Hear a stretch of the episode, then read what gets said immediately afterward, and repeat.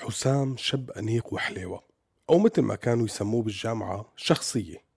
طويل كتافه عراض له شوية عضلات شعراته سود كتار. شاطر وشغيل وكل يلي حواليه بحبوه. من صغره له شعبية بكل مكان بفوت عليه وأهم صفة عنده هي أمانته. كان كل ما حدا بده يأمن على سر يروح يحكي له إياه. كل ما حدا بده يخبي مصاري يحطون عنده. هذا حسام وهي حكايته اللي رح نحكيها. فرستقولنا قعدتكم حتى نبلش. القصة مو قصة والحكاية مو حكاية. حكايتنا من الواقع أبدا مو رواية. نحنا عشناها بتفاصيلها المخباية. أبو فاكر بيحكيها من البداية للنهاية. نشأ حسام ببيت مثقف ومرتاح. أهله ما كانوا من الأغنياء كتير لكن وضعهم يعتبر جيد. خلص دراسة البكالوريا وجاب علامات عالية بتأهله ليدخل فرع الطب بس هو كان ما بيحب الطب مع إنه أهله حاولوا معه كتير إنه وينتن هالعلامات تكبن على الأرض؟ يا والله كلمة دكتور حلوة تنقال قبل اسمك ومن هالحكي هذا يلي ما بيقطع بعقله بس هو كان فهمان على حاله وعرفان شو بده. بعد أخذ ورد ونقاشات ومحاولات إقناع بقت بالفشل قرر إنه يدرس إدارة أعمال. وبعد كم سنة تخرج حسام وكان من الأوائل على الدفعة وبلش يقدم السي في تبعه لهون ولهون.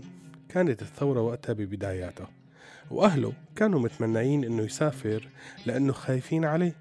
خايفين إنه الحماس يتملكه ويصير يطلع مظاهرات يتقوس أو ينضرب من قبل الشبيحة.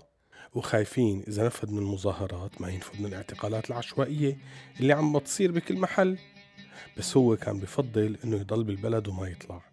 كان حاسس إنه ليش لا يطلع من بلده ويتغرب؟ ماشي الأمور. انقبل بشركتين بالشام. براتب صار كتير سخيف مع انهيار العملة وارتفاع الدولار الجنوني. وبنفس الوقت انقبل بشركة بالإمارات براتب عالي. قرر إنه يبقى بالشام. لكن مع تطور الأحداث واشتداد الظلم والقمع يلي عم يمارسه النظام السوري وكثرة الاعتقالات لكل الشباب وشبح العسكرية اللي عم بيخيم على حياة كل شاب بسوريا صار يحس إنه الاستمرار بهالبلد بهالطريقة صار كتير صعب ومو محتمل خاصة إنه مو قدران يعمل شي لأنه بوسط العاصمة محاوط بالشبيحة والدفاع الوطني ما عم يقدر يتحرك ولا يعمل شي. وحتى يضل مستمر بالحياة لازم يضل عم ينافق ويطلع مسيرات تأييد ويسقف ويصدق كل الكذب اللي عم ينقال. فقرر إنه يرجع يحاول يلاقي شغل بالخليج. أهله كانوا مبسوطين كتير بهالقرار. صح زعلانين عفراقه بس على قولتهم مطمنين عليه. مو خاطر لهم إنه الظلم ممكن يكون موجود بأي بلد من البلدان. عايش في هدنة من زمان أنا الأوان أحارب عشان أعيش في سلام. جربت الاستسلام والإنكار كمان. كل الطرق بتأدي لصدام صدام مع شخص جوا يتزرع. تربية الزمن والناس والمجتمع. مش مني بس غصب عني هو المتحكم زي إيقاع أغنية ماشي معاه وخايف أتقدم. جسمي أصبح سجن وأنا فيه محبوس. مكانة دايرة وأنا ترس من التروس. وسيلتي الوحيدة للهروب إني أعيش للناس. سجن أكبر مصطنع مقفول بترباس.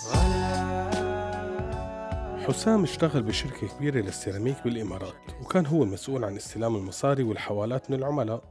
كان يستلم مبالغ كتير كبيرة وصاحب الشركة مطمن لأمانته ومرتاح بالشغل معه خاصة بعد ما اختبره بكذا اختبار ونجح فيهم وزادت ثقته فيه كتير.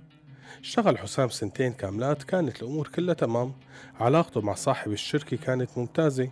وصار يبعت وراه ويفرجيه معاملات تجارية تانية ما دخلها بالشركة ويطلب منه يهتم فيها ويعطيه عليها مبلغ إضافي.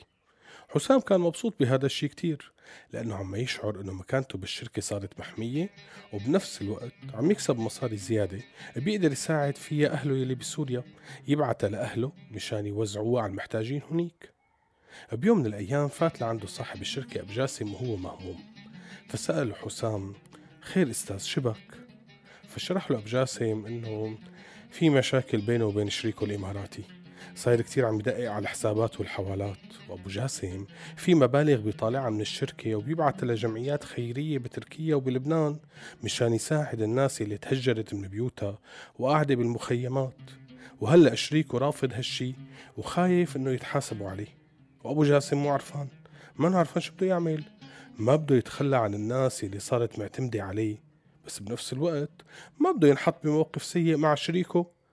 هون حسام دبت النخوة فيه وقال له ولا يهمك في مليون طريقة لتوصيل المصاري للعالم. مو ضروري حوالات اتركها علي وأنا بدبرها تشكروا أبو جاسم وطلع من المكتب.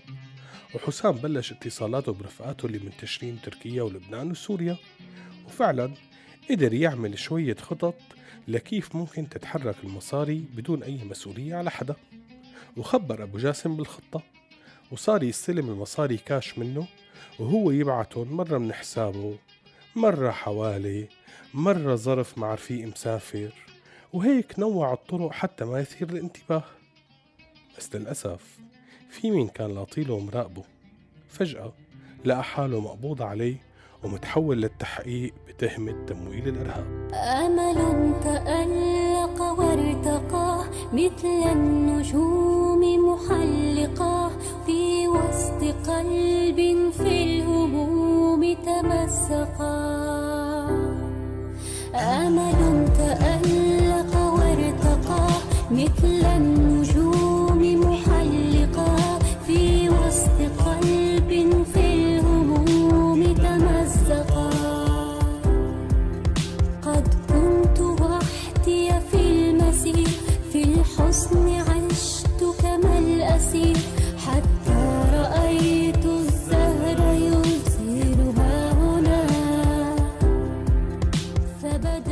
ما قدر يفهم حسام كيف تمويل إرهابي يا جماعة. القصة كلها مساعدات إنسانية. بس المحامي وقت إجا واطلع على ملف القضية رجع وشرح له إنه أبو جاسم من زمان محطوط تحت المراقبة لأنه في اشتباه إنه له علاقة بتمويل جماعات متطرفة عم تقاتل بسوريا. والمشكلة اللي حكى له عنها مع شريكه هي قصة وهمية. حكاها مشان حسام ينتخي ويعرض المساعدة. وكل الناس اللي تحولت لهم المصاري ناس إلهم ارتباطات مشبوهة بعالم تمويل الإرهاب. وكل هالشي موجود بإثباتات وأرقام حسابات وأسماء وسطاء. يعني التهمة لابسته لحسام ما في مفكي. بس المحامي حيعمل جهده إنه يخفف من الحكم قدر الإمكان ويحاول يثبت إنه القصة كلها هي توريطة ورطه اياها أبو جاسم؟ كان الموضوع صاعق بالنسبة لحسام يلي طول عمره آه، ما بحب المشاكل. خاف كتير خاصة إنه هو بلد غريب وتهمة مجهولة بالنسبة له وتهمة كبيرة.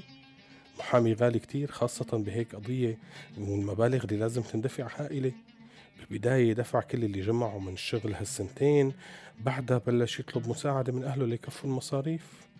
أهله كانوا مستعدين يبيعوا حالهم كرمال تظهر براءة ابنهم وبالفعل هذا اللي صار. خلال تسع شهور بالسجن اضطروا أهله يبيعوا سيارتهم وبعدها بيتهم ليسددوا تكاليف المحامي ويدفعوا رشاوي هون وهون. خلال تسع شهور انتهى التحقيق وتم ترحيل حسام برا الإمارات نهائيا ومنعه من دخولها مرة تانية وتأكدوا أنه هو ما دخله بأي تمويل إرهاب وأنه هو كان وسيلة فقط لا غير. وسيلة تم استغلال محبتها لمساعدة أهلها حسام بعد تسع شهور طلع طلع بمستوى نفسي ومادي تحت الصفر بس الحمد لله. الحمد لله إنه طلع. استودعناكم نقابل ناس نفارق ناس وماشية الحياة عادي حال الدنيا بيتغير ما بين الثانية والتانية هنعمل إيه؟ وده جارح وده مجروح وده عايش على الماضي وأحوالنا دي بتحير ولو نرضى تحلالنا بنزعل ليه؟ ومين الدنيا دايماله محدش ضامن الأيام. يا بخت اللي رضي بحاله وفرق بين حلال وحرام. سؤال وإجابته عارفينها في يوم ما نسيبها واخدين إيه؟ مادام سايبينها سايبينها هنتضايق ونزعل ليه دقيقة بص كده حواليك هتلقى شمس بتنور وبعديها في عز الليل قمر سبحانه منصور منور ليه تملي الأمل هذا البرنامج من إنتاج راديو سوريالي 2018 عم تسمعوا راديو سوريالي